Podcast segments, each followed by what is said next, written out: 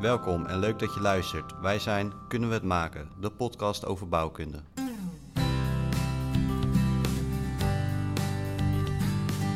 Ik heb grofweg ongeveer een 850-tal projecten gerealiseerd in houtconstructies. En uh, door gelamineerd hout kun je natuurlijk eigenlijk iedere vorm en iedere afmeting bijna maken. Is geen onmogelijk product, het is een prima product. Dit kun je prima leren, maar stopt er energie en tijd in.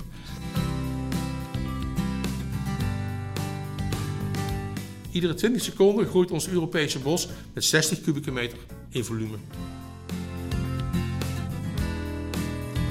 Als je andere mensen eh, bij het product hout brengt, dan hebben ze behoefte om het aan te raken. Het heeft een hele hoge aaibaarheidsfactor.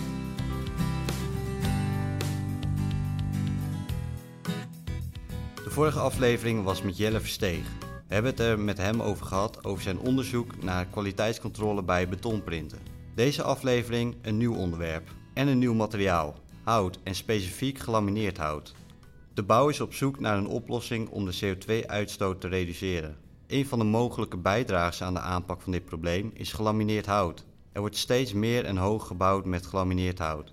Zo is er in Noorwegen onlangs het gebouw van Mjor Starnet, een gebouw van 18 verdiepingen afgerond met dit soort houtconstructie. En zelfs hier, naast de campus in Eindhoven, zijn ze bezig met de Dutch Mountains, een gelamineerd hout te realiseren. Vandaar dat we vandaag meer willen weten over hoe deze toepassing van hout werkt en hoe dit ook in Nederland vaker wordt toegepast. Wij gaan dit onderzoeken met Hans van der Grinten, directeur bij Arcon Houtconstructies en tevens bestuurslid bij de Vereniging van Houtconstructeurs. Nou, welkom Hans. Ja, dankjewel. Dank Klopt deze introductie een beetje? Uh, nou, ja goed, uh, ik ben geen directeur meer van Arcon Houtconstructies. Ik was directeur. Ik heb mijn bedrijf uh, twee jaar geleden verkocht en geïntegreerd okay. bij BAN Bouwgroep.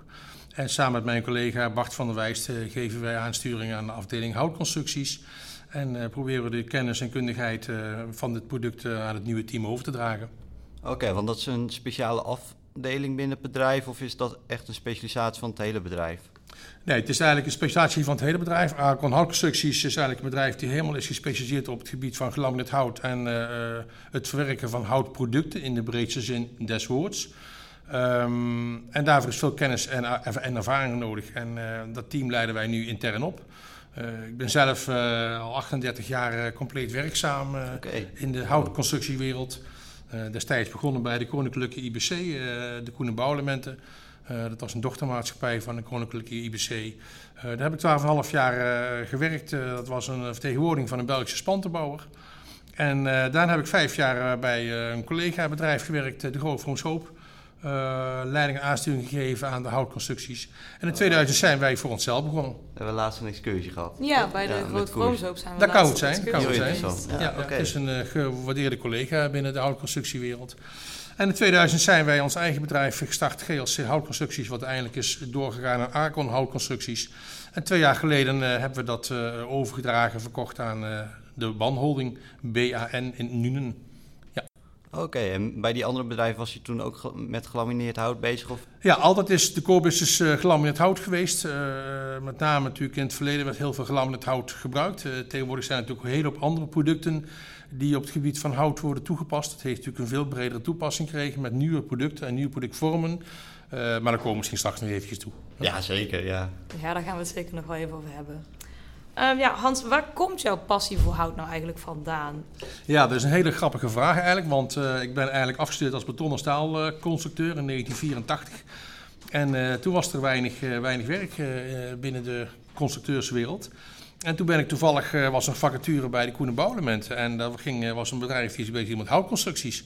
En ik vond het zo mooi naar het product. Ik denk, ik ga dat niet meer laten verlaten. En sinds die tijd heb ik het product omarmd. Het past goed bij mij. Het is een heel mooi, vriendelijk, zachtaardig product. Past uitstekend bij me. En daar voel ik me uitermate goed en, goed en thuis. En het is een product wat ook ja, heel veel mogelijkheden heeft. En ja, wat helemaal bij mij past eigenlijk. En heeft u daar ook een bijpassende studie toen bij gedaan? Of is dat echt pas uh, in de praktijk? Ja, uh, nou, ik heb natuurlijk bij het Houtopleidingsinstituut heb ik nog wel een aantal cursussen gevolgd. Maar uiteindelijk moet je natuurlijk toch het vak leren gewoon uh, door te doen. En als je natuurlijk 38 jaar werkzaam bent in deze wereld en Ik heb grofweg ongeveer een 850-tal projecten gerealiseerd in houtconstructies. dat is natuurlijk de ervaring die je opdoet.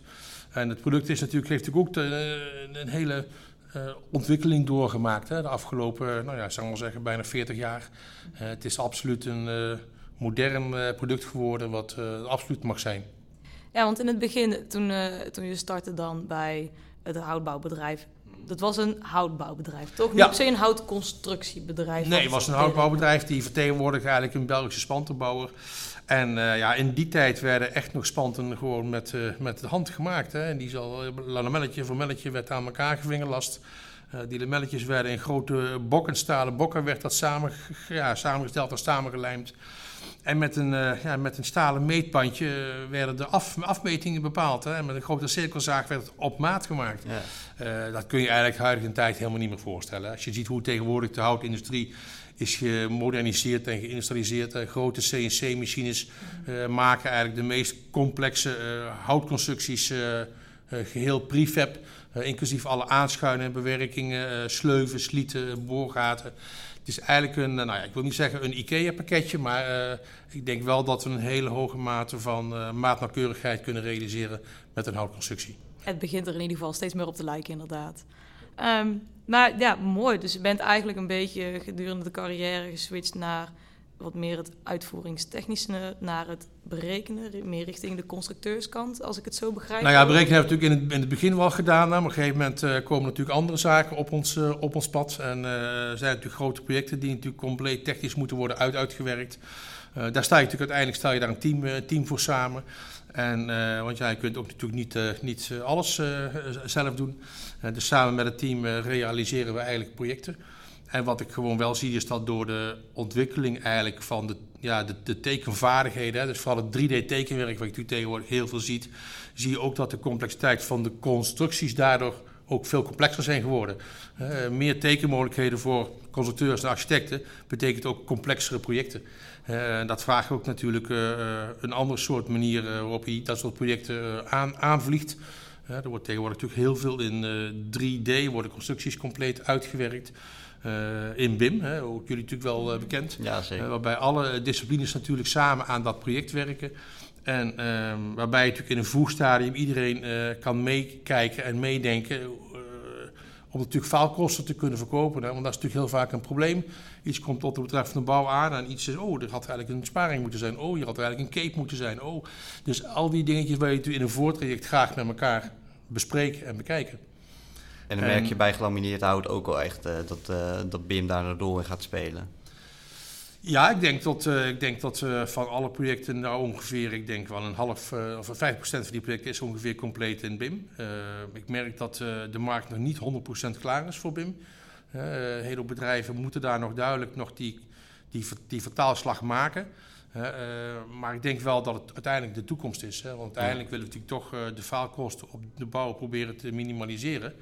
En dat kan alleen door, iets, door eigenlijk het gebouw virtueel vast samen te bouwen. Waardoor je vooral ziet dat er uh, daar waar uh, elementen elkaar kruisen, uh, hoe lossen we dat probleem op? dat moet dan vooral niet op de bouw worden opgelost, maar vooral tekentechnisch worden opgelost in het 3D-BIM-model. En op die manier kun je natuurlijk kosten op, een na, of in ieder geval nagekomen kosten op de bouw reduceren. dus dat is het traject waar we met z'n allen heen moeten, denk ik. Ja, en bij de BIM, ja, BIM is natuurlijk iets vrij nieuws. Maar u heeft ook natuurlijk andere onderdelen waar u misschien nu niet zo mee bezig bent. Wat zijn dingen waar u bijvoorbeeld voorheen wel mee bezig kon zijn en nu niet meer? Bijvoorbeeld het construeren of... Uh... Ja, goed. Het, het, zelf uh, compleet berekenen van houtconstructies, daar kom ik helaas niet meer aan toe. Daar hebben we natuurlijk een con constructeur voor. Ik kijk natuurlijk over de, over de schouders mee. Uh, het probleem bij een houtconstructie zit niet zozeer in het berekenen van de doorsnede, als wel in het maken van het detail hoe sluit ik nou een kolom op een ligger aan? Hoe sluit ik een kolom op een fundatie aan? En uh, um, dat kan op, uh, nou ja, pak een beetje, uh, misschien wel een 50, 60, 70 manieren. En welk detail moet je nou wanneer in, in inzetten? En daarvoor is kennis en ervaring nodig. wanneer pas ik nou welk detail toe? Dus vooral de kennis en ervaring. Die kennis en ervaring is denk ik uitermate belangrijk om tot een efficiënte constructie te kunnen, te kunnen komen. En bij Arcon hebben jullie laatst een, een prijs gewonnen volgens mij ook. Wat heeft u daaraan bijgedragen? Volgens mij een, met een gebouw HAVEP? Ja, het gebouw HAVEP. Uh, HAVEP is een uh, bedrijf wat zich bezighoudt met uh, kleding, met name duurzame kleding. Dat is een bedrijf wat al meer dan 160 jaar bestaat. En ehm, ze hebben eigenlijk die duurzame kleding doorgezet ook naar een duurzaam gebouw. Als we een duurzame uitstraling willen hebben naar onze klanten toe, dan willen we ook graag met een duurzaam product werken. En dan willen we die uitstraling ook in ons gebouw tot uiting laten komen. Nou, daarvoor heeft men eigenlijk uh, Paul de als architect uh, in de arm genomen om een mooie houten constructie uh, in ieder geval architectonisch vorm te geven. En ik heb met name natuurlijk dat constructief technisch goed, goed vormgegeven. Ik heb eigenlijk de, de, de, vertaalslag gemaakt van het architectonische ontwerp naar het constructiemodel. En nou goed, er zijn natuurlijk ontzettend veel knopen en aansluitingen die daarin voorkomen. En ja, alles bij elkaar is een hartstikke mooi project geworden. Het is een uh, kantoorgebouw van 30 bij 60 meter. Uh, bestaat uit twee uh, bouwlagen. Het is eigenlijk een hybride constructie bestaande uit uh, gelamineerde liggers en kolommen. in combinatie met CLT-wanden en CLT-vloeren. het is als het ware een samengestelde constructie met twee mooie grote dak, daklichten boven het dak. En daarnaast is een warehouse compleet gemaakt van 80 bij 80 meter. met een, gelamineerde houtconstructie als draagconstructie. Het bijzondere is dat de architect heeft gekozen voor een, uh, kleine knipoog naar het oude gebouw met een soort zadeldakstructuur, de oude sheddaken. Waarbij natuurlijk uh, de sheddaken uh, mooi voor zorgen voor het noorderlicht, toetreding tot het, tot het inwendige van de ruimte. waardoor mensen ook natuurlijk mooi contact houden, ook overdag contact houden met het, ja, wat is er buiten gaande. Schijnt het zonnetje, is het, is het regenachtig. ik denk dat het goed is dat mensen niet alleen maar in een grote hal zich bewegen, maar ook ja, een beetje met contact uh, van buiten natuurlijk. Uh, dat is echt daarmee... Uh, architectonische toepassing. Dat is architectonische toepassing. Ja. maar het was een bijzonder gebouw met een bijzonder constructief technische uitdaging. Omdat natuurlijk de hele krachtenspel moest de daklijn van de sheddaken vormen. En uiteindelijk gaan we daar een goede technische oplossing voor weten te vinden. Oké, ja, mooi. Ja, en wat maakt het dan dat het die houtprijs heeft gewonnen, de nationale houtprijs? Ja, er zijn natuurlijk diverse partijen. Hebben natuurlijk, uh, we hebben trouwens overigens twee prijzen gewonnen. We hebben ook de publieksprijs uh, voor dit uh, project gewonnen. Daar zijn we natuurlijk uitermate trots op. En ehm, ja, we maken het zo bijzonder. Ik denk dat het is natuurlijk de architect die het natuurlijk het feit heeft vormgegeven qua, qua beleving en qua, qua licht. Ik denk dat met name de lichtinval in het, in het project. Als je in de grote aula binnenkomt en er zijn twee hele grote daklichten boven dak, mooie ronde daklichten, uh, waardoor uh, de hele binnenruimte atrium mooi wordt verlicht. Ja, en licht en hout is natuurlijk een hele mooie combinatie. Hè. Eh, mensen beleven dat, uh, dat product, heeft een bepaalde kleur, heeft een bepaalde sfeer, heeft een bepaalde warmte. Ik denk dat dat uitermate door veel mensen is gewaardeerd. En het is gewoon een mooi architectonisch ont ontwerp, ja, wat volgens mij terecht een prijs gewonnen ja, we gaan het zo hebben over de uitdaging natuurlijk in, in houtbouw. Als u één ding moet noemen, wat is een constructieve uitdaging van het project geweest? Wat u mooi heeft opgelost? Um, wat één bijzondere uitdaging is geweest, zijn de daklichten. Dan heb ik het weer over de daklichten. Uh, dat, zijn, uh, dat zijn cirkels die boven het dak zijn, maar die zijn ook nog onder 5 graden helling. Uh, dus de, de, de, bovenkant van het dak is onder 5 graden af afschot. Ehm, die ring is natuurlijk een doorsnede ongeveer van 15 meter. Dus die kan ook niet in één sessie worden geproduceerd. Er zijn vier afzonderlijke deelsegmenten. En die hebben we, die hebben we samengevoegd uh, tot één ring. Dat is weer teruggegaan in de CNC en daarna onder 5 graden compleet afgeschuind. En onze, ja, we hebben wel ons afgevraagd van eh, als we dadelijk die losse elementen weer samenvoegen op de bouwplaats, hebben we dan mooi die ring met die 5 graden helling. Nou, uh, uiteindelijk bleek toch dat de CNC nauwkeurig genoeg was om dat zo te realiseren. Ja. Oké. Nou, Hans, we zijn al best wel de diepte in aan het gaan, uh, terwijl we nog maar in de introductie zitten. Ja. Uh, dus we willen nog wel eventjes een kort vragenvuur doen om uh, u nog wat warmer te krijgen. Schiet maar los, zou ik zeggen. Ja, de bedoeling is dan om dan heel kort te antwoorden eigenlijk. Ja, ik ga kort antwoorden, ik ga het best over jullie. Ja. De verleiding is om daar heel veel over te zeggen, maar ja, daar kunnen we natuurlijk later altijd op ingaan. Ik snap het. Het mag dus, gewoon een ja of een nee zijn eigenlijk. Ja, precies. Gewoon een waarde of niet waar. Ik ga het best doen voor jullie. Oké. Okay. Gelamineerd hout wordt nog te weinig toegepast? Nee. Gelamineerd hout is complexer dan beton en staal? Ja. Gelamineerd hout staat nog vroeg in zijn ontwikkeling? Nee. Psychologische voordelen van werken in houtbouw, zoals rustgevend gevoel en natuurwandeling nabootsen, is echt of gebakken lucht? Nee, is echt. Ik hou zoveel van hout dat ik zelf in een houten huis woon. Ik, heb, uh, ik woon zelf niet in een houten huis. Ik heb wel heel veel hout verwerkt in mijn huis.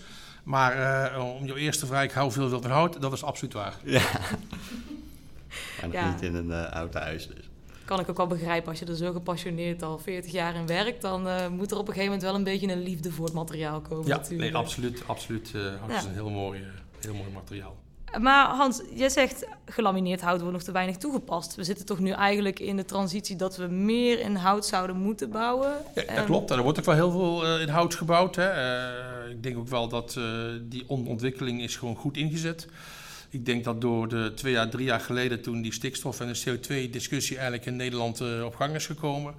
eigenlijk een stukje duurzaamheid, circulariteit bij mensen langzaam tussen de oren begon te zitten. Uh, hebben heel veel mensen ook gebeld. Van God, Hans, uh, was het ook alweer dat ene verhaal van duurzaamheid? Ik vertel dat verhaal eigenlijk al 25 jaar, hè, dus eigenlijk niet anders dan dat het eigenlijk is. Uh, maar ja, op een gegeven moment is het moment daar en willen mensen het horen en heeft het duidelijk een bredere toepassing. En ik denk dat het product hout is eigenlijk gewaardeerd in relatie tot andere materialen als beton en staal als een volwaardig constructiemateriaal. dus was het vooral natuurlijk vroeger, oh, het is een mooi product, daar bleef het dan bij. Hout heeft natuurlijk veel meer voordelen dan alleen maar dat het mooi is. En waarom gelamineerd hout dan? Waarom zou je dat dan toepassen? De hout is natuurlijk in zijn algemeenheid, hè, maar met gelamineerd hout, kun je natuurlijk de afzonderlijke lamelletjes samenlijmen tot een grotere draagconstructie. Het is natuurlijk een, een voortzetting uit het uh, zaaghout, hè, wat massief is. En door gelamineerd hout kun je natuurlijk eigenlijk iedere vorm en iedere afmeting bijna maken. dus tot en met de standaard breedte van liggers, 280 mm in breedte en 250 mm in hoogte en ongeveer 40 meter in lengte eh, kunnen elementen worden gemaakt. Ja. In rechte of gebogen vorm of zadeldakvorm, lessenaarsdak. Uh, ik denk dat er een, een, grote verscheidenheid is aan uh, mogelijkheden. Maar dan kijk je dus naar de brede toepassing die je hebt voor hout en, en speciaal gelamineerd hout. Het heeft veel voordelen, het is duurzaam, je kan grote overspanningen bereiken.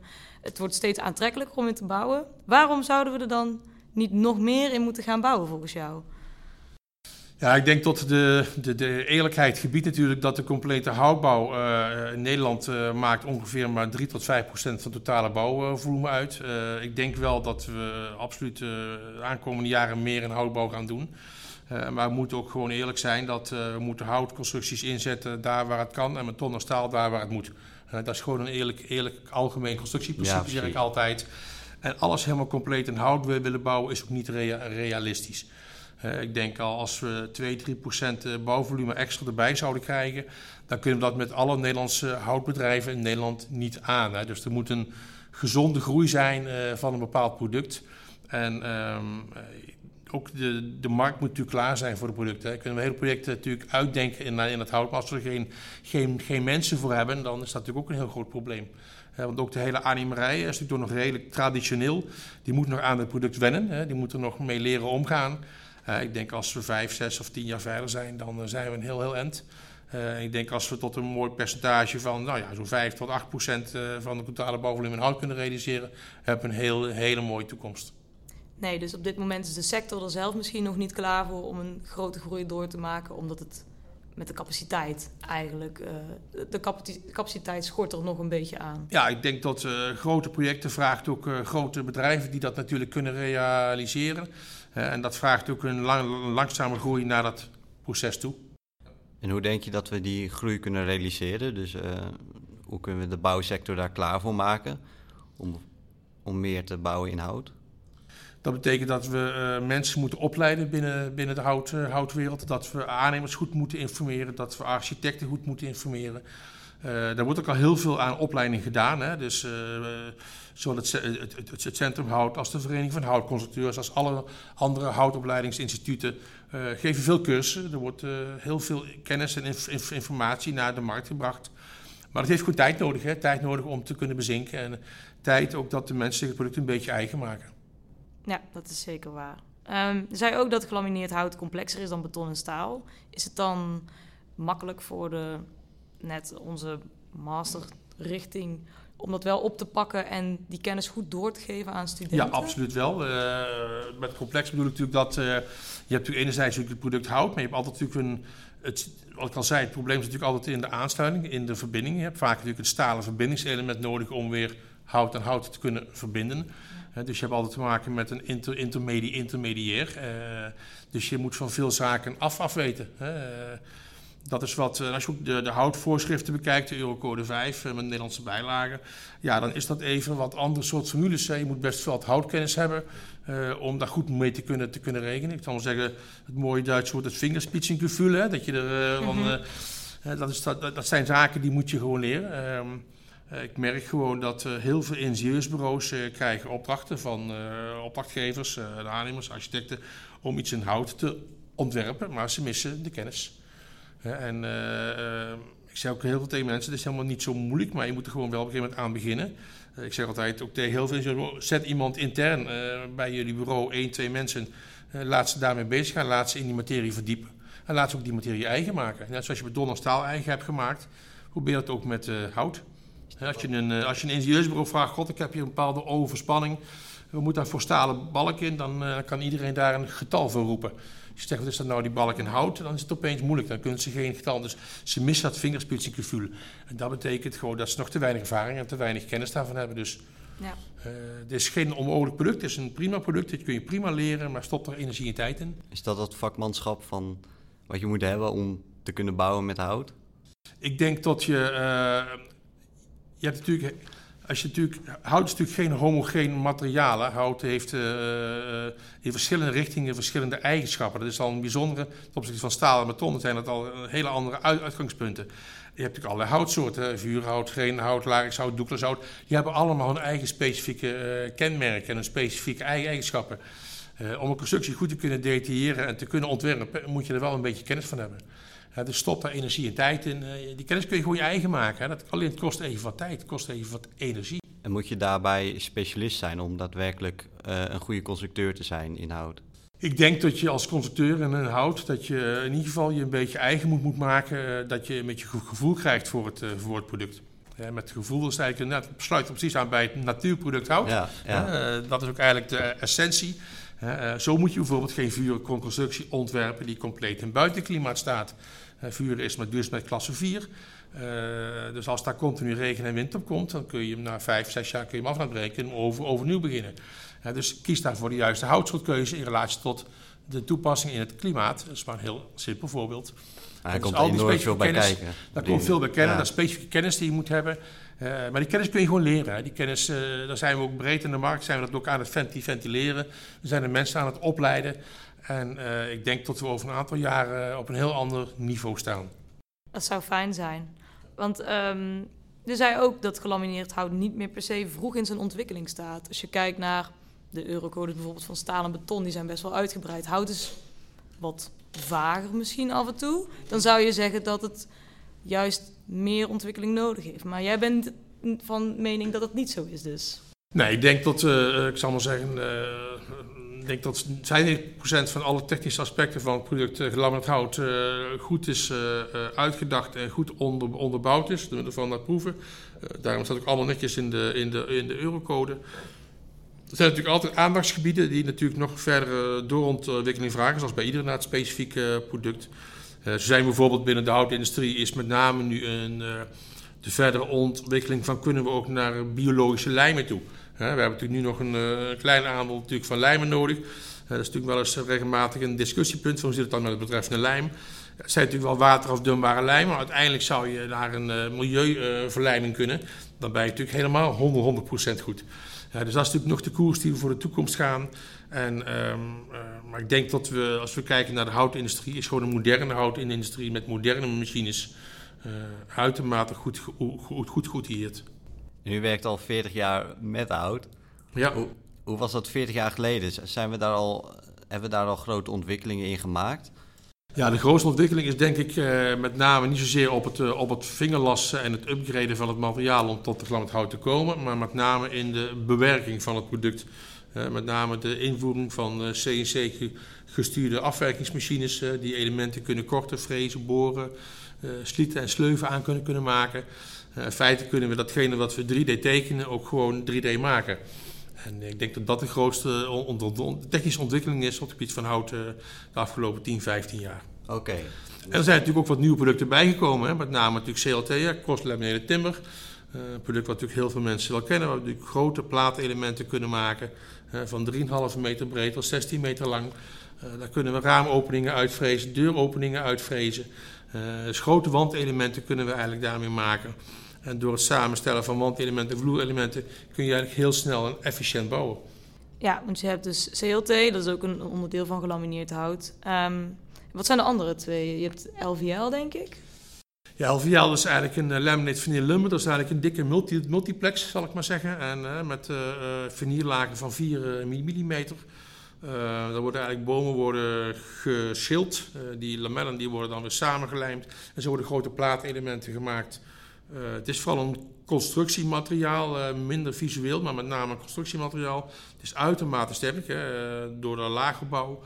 En die LVL die kunnen zowel in parallel als, een, als 20%, 20 kruislinks verlijmen. Met name is het een product waarbij bijvoorbeeld liggers zijn waar grote sparingen in het voorkomen. Het is makkelijker om een sparing te maken in LVL dan een sparing te maken in gelamineerd hout. met name natuurlijk door die specifieke laaggebouw van LVL is dat technisch makkelijker te realiseren. In LVL zijn de lamellen op elkaar gelijmd of Nee, uh, bij het hout zijn natuurlijk lamelletjes op elkaar verlijmd, horizontaal gelamineerd. Hè? Uh, en bij LVL uh, kijk je eigenlijk net zoals een multi, multiplex. Dat is een groot plaatmateriaal, 2,40 meter 40 breed en ongeveer 12 meter lang. Het zijn gewoon grote viniervellen die als het ware op elkaar worden gelijmd. Dat is multiplex, helemaal dunne, dunne laagjes van 1, 2, 3 mm. Bij LVL staan 4 mm. En het is gewoon een grote, een grote dikke multiplexplaat, zo moet je het eigenlijk, eigenlijk zien. En dan verschilt het per element uh, welke soort uh, laminatie je gebruikt? Of uh, verschilt dat ook per element weer per De situatie? LVL is eigenlijk altijd gemaakt van, van vurenhout. Dat is eigenlijk het basisproduct waarom de LVL wordt gemaakt. Bij gelamineerd hout kun je natuurlijk kiezen voor verschillende lamellen Meest natuurlijk vurenhout, daarnaast natuurlijk grenenhout wordt wel eens gebruikt. Larix en Douglas wordt heel, veel gebruikt. Uh, dus, uh, maar in feite, slam hout zijn in feite individuele lamelletjes die aan elkaar vingerlast tot een oneindige lengte en daarna weer op, op elkaar stapelt tot een horizontaal product. Uh, zo maak je eigenlijk een gelamineerde ligger. En waarom zou je ander hout gebruiken? Voor een andere toepassing in buitenklimaat bijvoorbeeld. Hè. een buitenklimaat, iets wat in weer en wind staat, vraagt een hogere duurzaamheid van je product. dus iets wat je binnen kunt toepassen, zou ik zeggen, allemaal netjes mooi gelamineerd vurenhout. Uh, heel lange duurzaamheid, 50 jaar geen enkel probleem. Buiten onderdaks of buiten in weer en wind. Minimaal duurzaamheid klasse 3. Dan kom je uit in producten als Larix of Douglas of Gene. Is dat ook duurder hout dan bijvoorbeeld? Of? Dat is iets duurder, inderdaad, correct.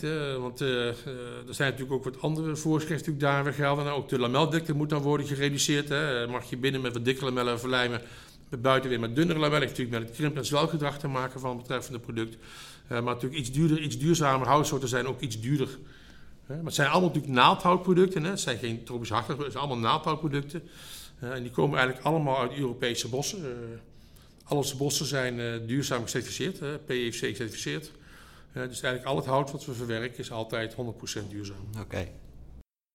Dat is wel een mooi aspect. Um, en hoeveel van dat aandeel, want het zijn heel veel naaldbossen, we hebben in Nederland nou niet zo'n hele groot aandeel, denk ik. Is er wel wat hout wat uit Nederland komt om gelamineerde houtconstructies te maken? Nee, ja, ja dat is wel klopt. Hè. Staatsbosbeheer heeft uh, het, het inlands larix uh, wat ze hier uh, verhandelen.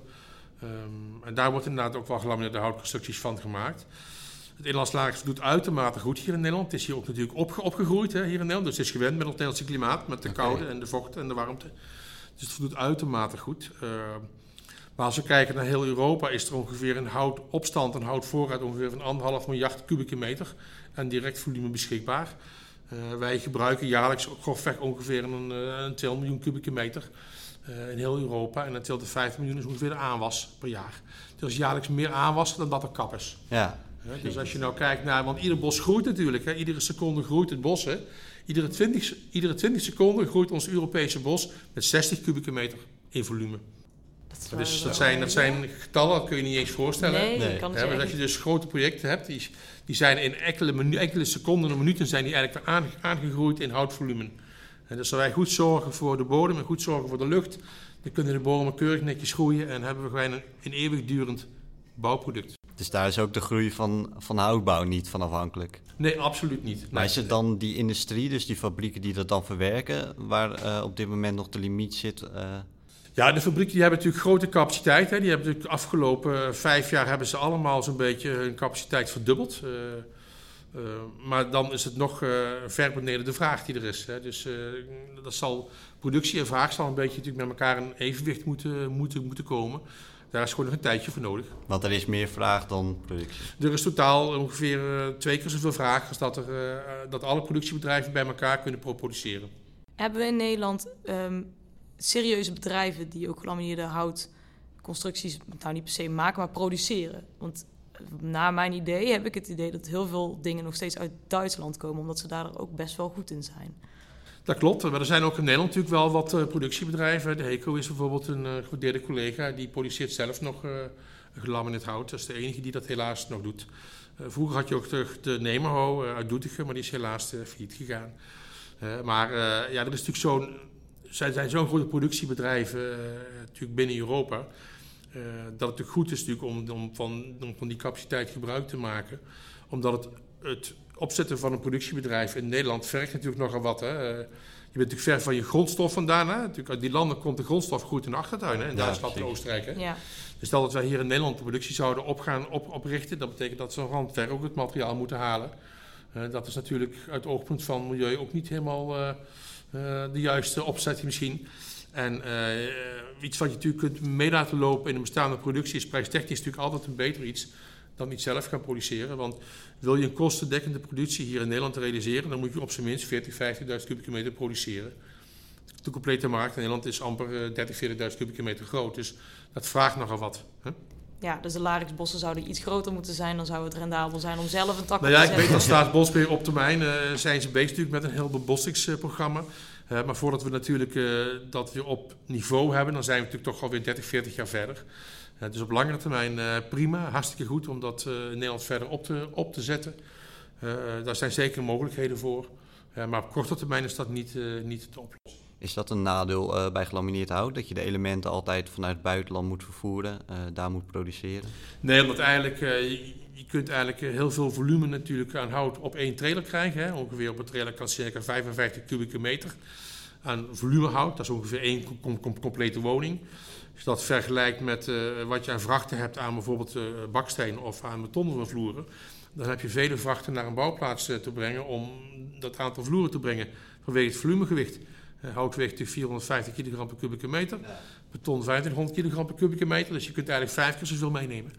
En dus eigenlijk is het aandeel transport maar een heel klein uh, fractie op de totale kostprijs van je betreffende product. Wat zijn dan wel echte limitaties van het gebruik van gelamineerd hout? Ik hoorde altijd, je moet gewoon goed kijken naar de omstandigheden natuurlijk. Waar ga je voor bouwen? Is het binnen, is het buiten? Uh, het is niet zo sterk als beton en staal. Maar wat zijn nog meer limitaties die uh, het gebruik van gelamineerd hout zou kunnen hebben? Ik denk dat je, nou, als je het bijvoorbeeld gaat bijvoorbeeld over een fundatie. Hè, een fundatie zou ik niet een uh, hout maken, die zou ik van beton maken als duurzaam product. Uh, dus eigenlijk alles, uh, je kunt eigenlijk zeggen, alle constructies uh, bovengronds die je in, in, beton en staal kunt maken, kun je ook in hout maken. Ik vind alleen dat je een, kost, een kostenefficiënte afweging altijd moet maken. Hè. Wat ik al eerder zei, je moet hout inzetten daar waar het kan en beton en staal daar waar het moet. He, dus uh, hout vraagt hier en daar wat meer afmetingen uh, dan bijvoorbeeld een, uh, een, een stalen ligger of een stalen kolom. Past dat binnen het architectonische ontwerp? past dat binnen de mogelijkheden? Dat zijn keuzes die je moet net maken, die ook niet een houtleverancier zelf alleen kan maken. Die zitten vaak in een architectonisch ontwerp. soms wil de architect een bepaalde ruimte hebben met een bepaalde hoogte. ja, dat kan soms wel in, wel in hout en soms niet in hout. Belangrijk vind ik wel, als mensen een houtconstructie willen graag detailleren, dan moet je eigenlijk in een vroeg stadium mee kunnen denken. Waarbij ook de juiste dimensies en de juiste uh, spanwijdtes en de juiste afmetingen van een draagconstructie worden in, ingepast in het bouwkundige geheel. Want als een product is uitgewerkt in, noem maar iets staal, en zeggen we gaan het nou bouwen in hout, dan, uh, dan past het natuurlijk niet helemaal qua dimensies. Hè. Dus dat vraagt wel even een, een goede afweging dat je in een voortraject goed kijkt van welk materiaal gaan we hier. Merk je dat dat ook weer een verschil is met uh, bouwen met staal en beton? Dat je bij hout uh, meer vroegtijdig bij het ontwerpproces al betrokken moet zijn als constructeur? Ja, ik denk het van wel. Ik denk, uh, ik denk dat je vroegtijdig daar betrokken moet zijn, zeker als het gaat over houtconstructies. Ik zie vaak uh, projecten over, uh, over de bühne komen, waarbij natuurlijk een staalconstructie door een hoofdconstructeur vaak al redelijk goed is uitgewerkt. Met kop en schetsplaatjes en naar bouten. Als er dan een houtconstructie in komt, dan komen wat lijntjes samen en staat er bij uitwerking des leveranciers. dus daarin zie je wel dat er duidelijk nog gebrek is aan kennis. En het is natuurlijk heel belangrijk om de goede dimensies in een voorontwerp te zetten. Want als daar verkeerde dimensies in staan en later gaan we het uitrekenen en blijkt dat de ligger, ik noem maar eens, 100 tot 115 mm hoger moet worden, dan kan wel eens tot bouwkundige problemen leiden. Dat dan opeens niet meer past in het bouwkundige geheel. Dus uh, goed tijdig uh, meedenken in een ontwerp is absoluut essentieel. Ja. Is het dan niet gewoon zo dat connecties en details maken voor gelamineerde houtconstructies in, in zijn algemeenheid toch wel wat complexer is dan voor staal en beton op dit moment. Ook omdat de kennis nog niet zo paraat is in de hele sector. Ja, dat klopt. Dat klopt inderdaad. De kennis is nog niet dat paraat en daar moet men nog zeer veel projecten uh, mee realiseren. Ik denk ook als we een aantal jaren verder zijn en mede, veel ingenieursbureaus hebben meerdere projecten gerealiseerd, dat die kennis er ook wel lang langzaam komt. Hè? Ja, mooi. Die kennis is er gewoon wel, maar die kennis moet ja, bij de juiste mensen komen is een mooie taak voor de vereniging natuurlijk. Absoluut, een mooie taak voor de vereniging van houtconstructeurs. Nou, daar komen we misschien zo ook nog eventjes op terug. Hè. Maar ja, u zei net uh, dat inderdaad de verbindingen, dat is een belangrijkste aandachtspunt. Kom je dan in praktijk uh, tegen dat vaak de beste constructie dan een hybride constructie is, omdat er zoveel uitdagingen zijn met hout en dat bepaalde aspecten van het gebouw uh, bijvoorbeeld beter tot z'n recht komen in ander materiaal? Ja, klopt. Hè. Ik, als je nou bijvoorbeeld een, een hoogbouwproject is, hè, daar is natuurlijk vaak een, uh, vaak een, lift, uh, een liftconstructie is daar vaak in. Uh, vaak zijn er natuurlijk ook trappen naast, een, naast, een, naast een lift. dergelijke liftschacht is naar mijn mening uitstekend te doen in het beton. Ook makkelijker te doen in beton, ook kostefficiënter te doen in beton. En waarom? Het is natuurlijk een materiaal waar je meteen je stabiliteit kunt, uit kunt halen. En qua brand, brandklasse is het meteen voldoet aan de juiste eisen. Hè, want als het natuurlijk onderdeel is van een, van een vluchtweg dan mag het materiaal natuurlijk aan het oppervlak niet naar branden. Er worden, worden eisen aangesteld. En die specifieke eisen heeft natuurlijk het product beton in, zich. dus ik zou maar zeggen, voor dat soort toepassingen is een betonnen liftschacht is een uitstekend uh, product. Ik wil niet zeggen dat het niet in hout kan. Het kan wel in hout, maar het vraagt natuurlijk meer dimensie. Het vraagt een extra oppervlaktebehandeling. En dan kom ik eigenlijk weer terug op wat ik al eerder zei. Zet je producten in daar waar het het beste eigenschappen heeft. niet alles hoeft in hout. Maar een mooie combinatie is uitermate goed. Dus hybride constructies zijn naar mijn mening kostenefficiënte constructies. Oké. Ja, zolang er maar over wordt nagedacht. Dus. Want met CLT kun je natuurlijk stabiliteitswanden maken. En dat wordt al wel hoog gebouwd in volledig houten constructies. Net zoals wat Ruben toen net zei en goed probeerde uit te spreken. Ik, ik kan het zelf ook niet. Mjöstorne in uh, Noorwegen. Dat gebouw dat is volledig uit, uh, uit hout geconstrueerd. Ja, correct, correct. Alleen, ik denk dat ze alleen massa aan de de eerste paar verdiepingen hebben toegevoegd met een betonnen vloer. Ja, dat klopt inderdaad. Maar de rest van de stabiliteit is wel allemaal uit houten delen klopt, gekomen. Klopt, het is helemaal compleet in hout opgetrokken. Hè. Natuurlijk, als je natuurlijk naar die complete knoop en verbindingen kijkt, zijn dat, uh, zijn dat gigaverbindingen. Je moet maar eens kijken, een filmpje op internet, dat er een, een mens naast die, naast die knopen staat. Dan denk je van, oh, dat is een hele aparte verhouding. Uh, in dat, in, natuurlijk een land als uh, natuurlijk Zweden zijn natuurlijk dat soort uh, projecten misschien wat meer gangbaar dan in Nederland. Hè. Wij Nederlanders denken toch anders over een uh, gebouw en over een draagconstructie. Ik zou het graag realiseren hier in Nederland, hè. niet tegenstaande dat. we ook natuurlijk maken hebben met andere factoren hier in Nederland. met name kosten is hier een heel belangrijk punt. En um, ik denk dat je een dergelijk gebouw in Nederland niet 1, 2, 3 zult realiseren. Dus is kosten dan ook een beperkte factor nog in de, in de industrie? Ik denk wat uh, gemiddeld genomen is een houtconstructie, uh, ik denk uh, tussen de 5 en de 6, 7, 8 procent duurder dan een traditionele constructie. maar ik denk dat dat verschil wel langzaam wordt bijgetrokken. Het is natuurlijk ook soms eerlijk vergelijken. Hè. je vergelijkt een, een duurzaam product als hout, wat natuurlijk een hele positieve kenmerken inschreef, met name als het gaat over milieu. Hè. De CO2-buffering die je in projecten doen, met een product wat meer CO2-belastend is, hè, als beton en staal. Er zijn ook geen eerlijke vergelijken tussen materialen. Uh, dat vergelijken wordt nu langzaam wel beter getrokken. Hè. Men kijkt uh, ook wat is de milieu-impact van een bepaald uh, product. En je moet ook eerlijk zijn. Hè. We zijn natuurlijk opgegroeid als beton- en staalland hier in, en een metselland hier in Nederland. Dat doen we al 50, 75 jaar. dus een ombouw en omschakeling naar hout heeft ook zijn tijd gewoon nodig. En naarmate men ook de, de, de voordelen ziet van, van de houtbouw, denk ik ook wel dat het product beter om, omarmd wordt. Ehm, ik denk met name de grootschaligheid van de prefabricage bij de houtbouw. Er zijn gewoon minder mensen die binnen de houtbouw werken. Hè? Dus we hebben minder, minder, minder handjes die ook op de bouw iets kunnen gaan doen. Hè? Dus materialen, uh, constructies meer prefabben, waardoor je minder mensen op de bouw hebt om iets samen te stellen, is volgens mij de toekomst voor de com complete bouw. En in dat hele scala past de houtbouw prima in. En wat zouden nou nog nieuwe ontwikkelingen zijn die jij graag zou willen zien binnen het gelamineerd hout? Kan er nog iets nieuws ontwikkeld worden in jouw visie? Of denk je van we zijn toch al op zo'n punt gekomen dat iets nieuws niet meer per se gaat komen, maar dat het vooral nog optimalisatie is? Nou ja, er zijn natuurlijk nog wel wat optimalisaties nodig, hè, wat ik al zei, de specifieke verlijmingen. Dus men wil natuurlijk naar een, eh, biologisch afbreekbare verlijming die voldoet aan alle technische eisen. Ik weet dat men, daar uh, uitermate druk mee bezig is om dat voor de toekomst dat item nog te kunnen regelen. Ik weet, er zijn in het verleden wat onderzoeken geweest naar voorgespannen gelamineerd hout. Ja, waarbij ze koolstofvezels in de, in de lijmlaag uh, meelijmden. Uh, waardoor je toch een 20% reductie van je doorsnede kunt realiseren. dus er zijn toch ook nog wel ontwikkelingen voor de toekomst te halen. Um, en ik weet dat er hele hoop mensen internationaal, wereld, wereldwijd met het product bezig zijn. dus ik denk dat de ontwikkelingen op het gebied van houtproducties nog lang nog niet tot met zijn einde zijn. En uh, een nieuwe tijd vraagt met nieuwe mogelijkheden en nieuwe, nieuwe producten. Merk je dat ook dat het van de, van de laatste tijd is, dat ze daar heel erg mee bezig zijn van hout is de toekomst en dit moeten we ontwikkelen? Ik denk dat uh, hout is de toekomst absoluut uh, positieve bijdrage heeft geleverd en uh, wel een spin-off gegeven aan een hele hoop onderzoeksinstituten om hier absoluut voortvarend mee door te gaan. En merk je dan ook dat er steeds meer bereidheid komt vanuit de markt om onderzoek te doen, maar ook om hout, meer in hout te bouwen. Dat het echt van de laatste tijd is dat er ook uh, meer bereidheid is om daar bijvoorbeeld meer voor te betalen? Of, uh... Ja, ik denk dat uh, dat is natuurlijk nog even een, even issue. Hè. Men moet natuurlijk weer wennen aan nieuwe getallen. Hè. Nou is natuurlijk de afgelopen twee jaar het hele prijsniveau natuurlijk binnen de bouw ook natuurlijk wat moeizaam geweest. was natuurlijk anderhalf jaar geleden met name het, het het hout, wat, uh, wat eventjes wat, wat forse prijsstijging kreeg. Momenteel zijn het vrijwel alle materialen. Hè? Beton, staal, isolatiemateriaal, baksteen, uh, pannen, uh, noem het maar op. Alles is fors in prijs gestegen. met name natuurlijk gerelateerd aan de ener energieprijzen. veel producten worden natuurlijk met behoorlijk wat energiekosten geproduceerd. Dus is het product naar verland ook duurder. Hè?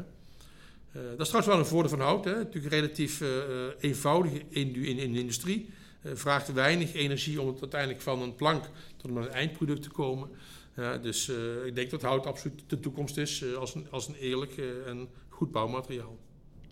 En dat hout CO2 opslaat, dat wordt vaak volgens mij niet meegenomen in berekeningen qua duurzaamheid. Merk je dat daar al innovaties in zijn op dat gebied? Nou, ik denk dat de innovatie daar in zou moeten zijn dat de rekenmodule die wij daar hier in Nederland gebruiken, uh, geënt zijn specifiek op een Nederlands model, zoals wij tegen de bouw aankijken. Waarbij natuurlijk heel veel onderzoek internationaal is. Hè, dus alle grote houtproductiebedrijven in Duitsland, Oostenrijk, uh, je hebt natuurlijk allemaal internationale uh, onderzoeken gedaan.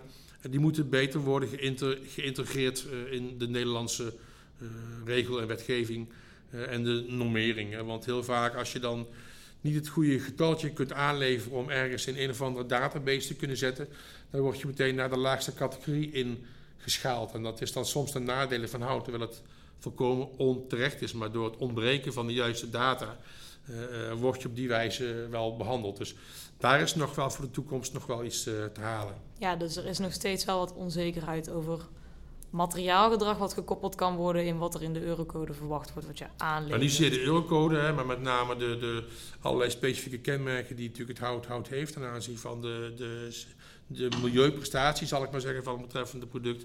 En de, L, de LCA, de life cycluswaarde oh, van, het, ja. van het product. Ja. Uh, dat zijn natuurlijk met name op internationale onderzoeken is dat gestoeld. Uh, wij zouden in Nederland niet zijn als wij weer vinden dat we weer andere, andere kenmerken moeten uh, moeten beoordelen, die dan net weer niet in dat internationale rapport staan. En uh, als, ze dan, als ze die getalletjes niet kunnen vinden, dan word je in een andere database negatief ingeschaald, terwijl dat natuurlijk, ja, dat natuurlijk niet terecht is. Hout is gewoon een heel duurzaam product. Het is het enige constructiemateriaal wat zichzelf continu vernieuwt. Dat is een groot eigenschap van het materiaal. Mhm. je, kunt een, eh, je kunt een zaadje planten, dat, plantje, dat zaadje groeit uit tot een eh, complete boom. Eh, tijdens de groei van dat zaadje is het een, is het een leefgebied voor in, insecten en dieren en is het een recreatiegebied voor de mens. En 40 jaar later kunnen we die boom kunnen we omkappen, kunnen we plankjes van zagen, kunnen we verlijmen tot een constructie. We doen hem opnieuw weer een zaadje planten en 40 jaar later hebben we weer een, weer een boom. Dus het is eigenlijk een product wat zich continu zichzelf vernieuwt. Als je dan kijkt naar staal en beton, dan moet je delfstoffen voor af, af, afgraven. Die delfstoffen zijn weg. Of je moet het, ou- het oude materiaal re-recyclen. Ja, natuurlijk, het recyclen materiaal kost ook heel veel energie. Eh, staal re- recyclen betekent staal in een, in een, gro- in een grote oven doen hè, met eh 5, 6, 7000 graden temperatuur om weer te smelten tot een nieuw product. Kost veel energie. Eh, dus ik denk dat, we, dat daar nog wel iets naar te halen is voor de toekomst door die eh, internationale normen eh, ook in Nederland meer te, accep- te accepteren. Waardoor we ook het product op de juiste wijze in, in, inschalen ten opzichte van andere producten. Lopen we daar echt in Nederland ook in achter dat we, dat we wel doorhebben dat hout eh, misschien de toekomst is en dat het eh, inderdaad een duurzame oplossing is? Ik denk het van wel, komt gewoon vanuit onze achtergrond. Hè. We zijn natuurlijk eh, beton en sta- staalland. Hè. Maar natuurlijk de hooghoofd die natuurlijk vroeger was. De klei die we natuurlijk hebben, de rivierklei waar de metselbakstenen uit voortkomen.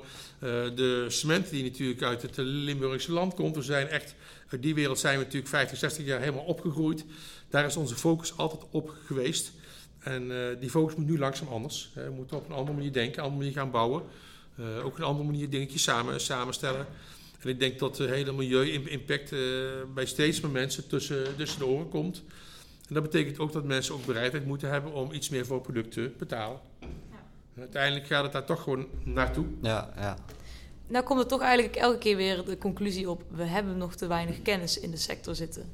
Denk je dan ook dat we misschien op de hogescholen, de universiteiten... op dit moment nog steeds te weinig aandacht besteden aan hout... en nou, met name gelamineerd hout? We hebben maar één docent, hè? Ja, bijvoorbeeld wij hebben Ja, één denk- hoogleraar hout. Ja, ja nou goed, hier was natuurlijk, eh, destijds was hier natuurlijk eh, professor Dr. ingenieur André Joris en Adnat Ja. Leijten was hier natuurlijk. hè, die hebben natuurlijk lange tijd eh, dat hier gedragen.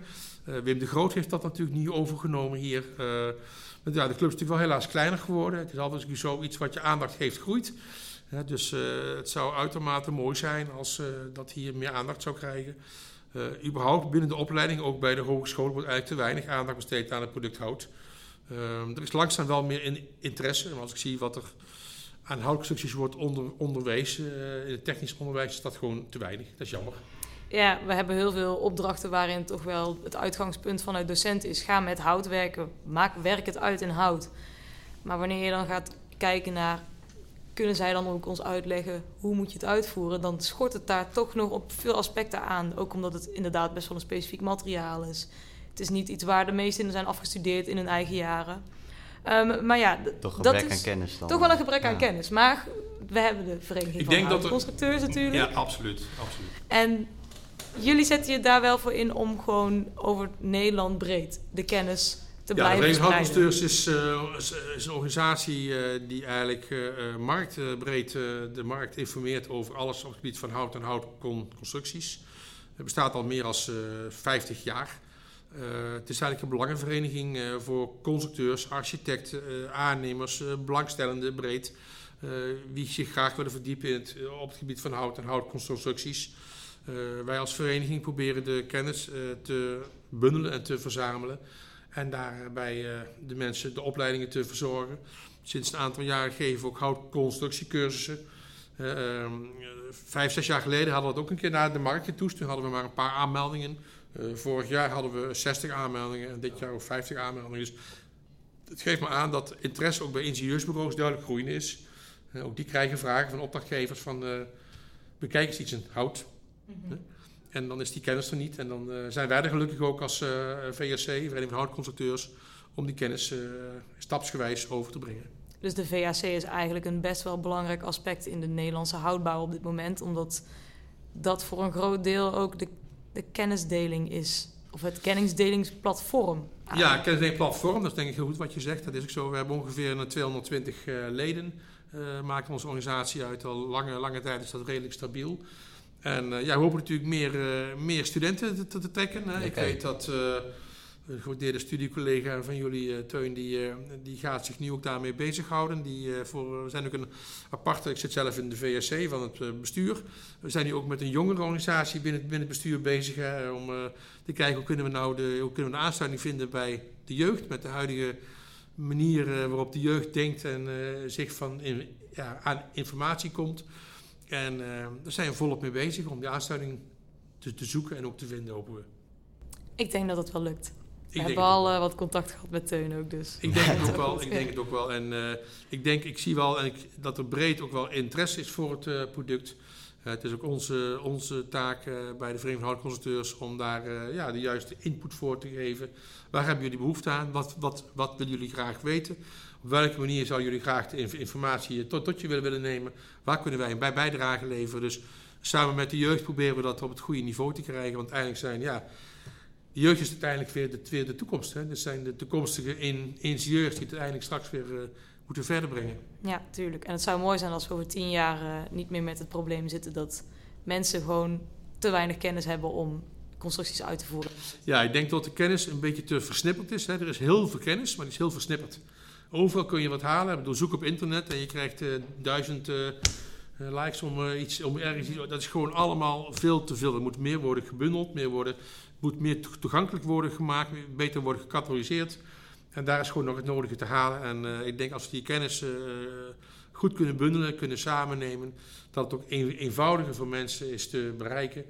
Dat we al het nodige kunnen hebben. En dan kunnen jullie als jonge ingenieurs uitstekende bijdrage voor leveren. Ja, ja. Dus om al die informatie met elkaar te bundelen. Want uiteindelijk Inderdaad. is de kennis, maar hoe brengen we dat over en brengen we dat bij elkaar? Inderdaad, we brengen het bij met elkaar. Want er is heel veel informatie over houtconstructies. Uh, zowel in Nederland als in het buitenland. Uh, maar het moet gewoon netjes worden gebundeld. Uh, waar kan ik, als nou iets voor weet, een bepaald onderwerp, waar kan ik het vinden? Dan moet je dan een uur voor googlen. Dat zou eigenlijk niet aan moeten. Er moet een het algemene Nederlandse database zijn waarin al die informatie netjes is gebundeld. Waarbij alle hogescholen en universiteiten dat gewoon kunnen, kunnen halen. En ik vind ook dat we met elkaar gewoon uh, kennis en kundigheid moeten gewoon delen. Hè. En niet iets voor onszelf houden, maar vooral met elkaar delen. Uh, markt, uh, marktbreed zou ik, zou ik zeggen. En dat betekent dat iedereen daar een bijdrage in moet leveren. En goed, als VSC doen wij graag onze bijdrage daarvoor leveren. Ja. Dat, dat is wel heel mooi, ja. En als het nou bij Arcon over een paar jaar afgebouwd is, kunt u misschien nog de TU les gaan geven. Dat zou ze zoeken nog mensen, ze zoeken nog mensen dus. Als daar behoefte voor is, ik wil graag een gastcollege geven, helemaal geen enkel probleem. Er zijn leuke onderwerpen om over te vertellen. maar we hebben eerst nog een goede uitdaging om het team verder op te bouwen bij Arcon Houtconstructies. wordt volop aan gewerkt uh, door ons hele team. En uh, ja, we maken hartstikke mooie projecten. Dus, uh, ja, wat zou nou van, ehm, vanuit Arcon gezien het favoriete project zijn waar u aan heeft meegewerkt? Het favoriete project? ja. Nou, er zijn eigenlijk, ja, van de 850 uh, eh, projecten die we natuurlijk hebben gerealiseerd, zijn er ontzettend veel projecten. Uh, als ik een paar projecten eruit zou mogen lichten, dan denk ik uh, dat de Inner Sporthal, hier in Eindhoven, die we hebben gebouwd aan de Aalsterweg. daar hebben we toen destijds de International Glue Lam Award meegekregen okay. als houtconstructieproject. Het is nog steeds de grootste overspanning in Nederland. Hij is 80 meter in breedte, 120 meter in lengte. Het is nog steeds helemaal klom, klomvrij. Eh, het is een constructie die is opgebouwd eh, eh, uit een geologisch koepelsysteem. Dat we door middel hebben gedeeld, hebben we uit elkaar geschoven. En er is een mooi tongewelf dus tussen gekomen. En zo is die constructie helemaal destijds gemaakt. Dat koepelsysteem was een, was een vinding van Emil Luning. Als houtconstructeur van adviesbureau Luning. En dat is wel een project waar ik uitermate trots op ben. Ja. Ja. ja. En natuurlijk het project Haven. Haven is natuurlijk hartstikke een mooi project. Daar hebben we veel energie en tijd in gestopt. En uh, ja, dat is absoluut uh, heel mooi in, uit, in, in, in detaillering, in materiaalkeuze en in sfeer en beleving is het een heel mooi project. En het mooie aan hout is natuurlijk dat hoe lang het, het staat, het groeit helemaal mee met het gebouw. Dus het wordt alleen maar mooier en mooier. Ja, het groeit, het groeit met het gebouw. En ik vind altijd het mooie altijd als je met mensen door een gebouw loopt, dan, dan hebben mensen altijd de behoefte om een product aan te raken. Men loopt naar een wand toe, men heeft, men legt de hand erop. En dan komt natuurlijk dat de mensen natuurlijk ook opgegroeid met het product hout. Hè. Eh, de bomen bestaan langer op deze aarde dan dat de mens er is. En we hebben natuurlijk het hout altijd gebruikt, hè, vroeger voor, uh, ja, voor beschutting, uh, voor, het, eerste, het eerste vuur te maken, voor het eerste bouwmateriaal. Dus de, de mensen opgroeien met het product hout. Dat, dat, dat, dat merk je altijd Eh, als je andere mensen eh, bij het product hout brengt, dan hebben ze behoefte om het aan te raken. Het heeft een hele, hele hoge aaibaarheidsfactor, het product hout. Ja. En dat maakt die project ook steeds weer leuk. En dat maakt het project leuk. Dat maakt het project leuk. Het is altijd mooi als je met mensen door een mooi gebouw loopt. Dan kijken ze naar, naar, naar, naar boven. Dan zien ze die mooie grote liggers. Uh, ik denk dat dat wel een van de bijzondere aspecten is van houtconstructie. Die dwingt een bepaald respect af. Hè. Die geeft een bepaalde kleur, een bepaalde sfeer, een bepaalde warmte. Het geeft sterk, het straalt, het, het, het straalt kracht, kracht, uit. Ik denk dat al die aspecten, dat voelen we als mensen. We zijn erbij betrokken. En eh, ik denk dat dat alles bij elkaar uh, tot een heel mooi product maakt. Zouden jullie met dat mooie materiaal ook de hoogte in willen? Uh... Ik denk dat je heel goed de hoogte in kunt. Ehm, hoe hoog we kunnen, weet ik eerlijk gezegd niet. Hè, want ik denk dat dat nog aan een onderzoek natuurlijk gaande is. er wordt natuurlijk steeds hoger gebouwen. Je noemde al even Dutch Mountain hè, van Marco Vermeulen, die daar natuurlijk volop mee bezig is om dat project hier in Eindhoven van de grond te, te trekken. Het is een uh, ambitieus project, laat het dan zomaar zeggen. Uh, het zou hartstikke mooi zijn als het er zou naar komen. Er zit natuurlijk voldoende technische uitdagingen in, maar voor iedere, iedere technische uitdaging is ook alweer een oplossing, zeg ik, zeg ik altijd. dus ehm, dat komt volgens mij uiteindelijk wel goed. En als Arcon zijnde, zou je daaraan mee willen werken?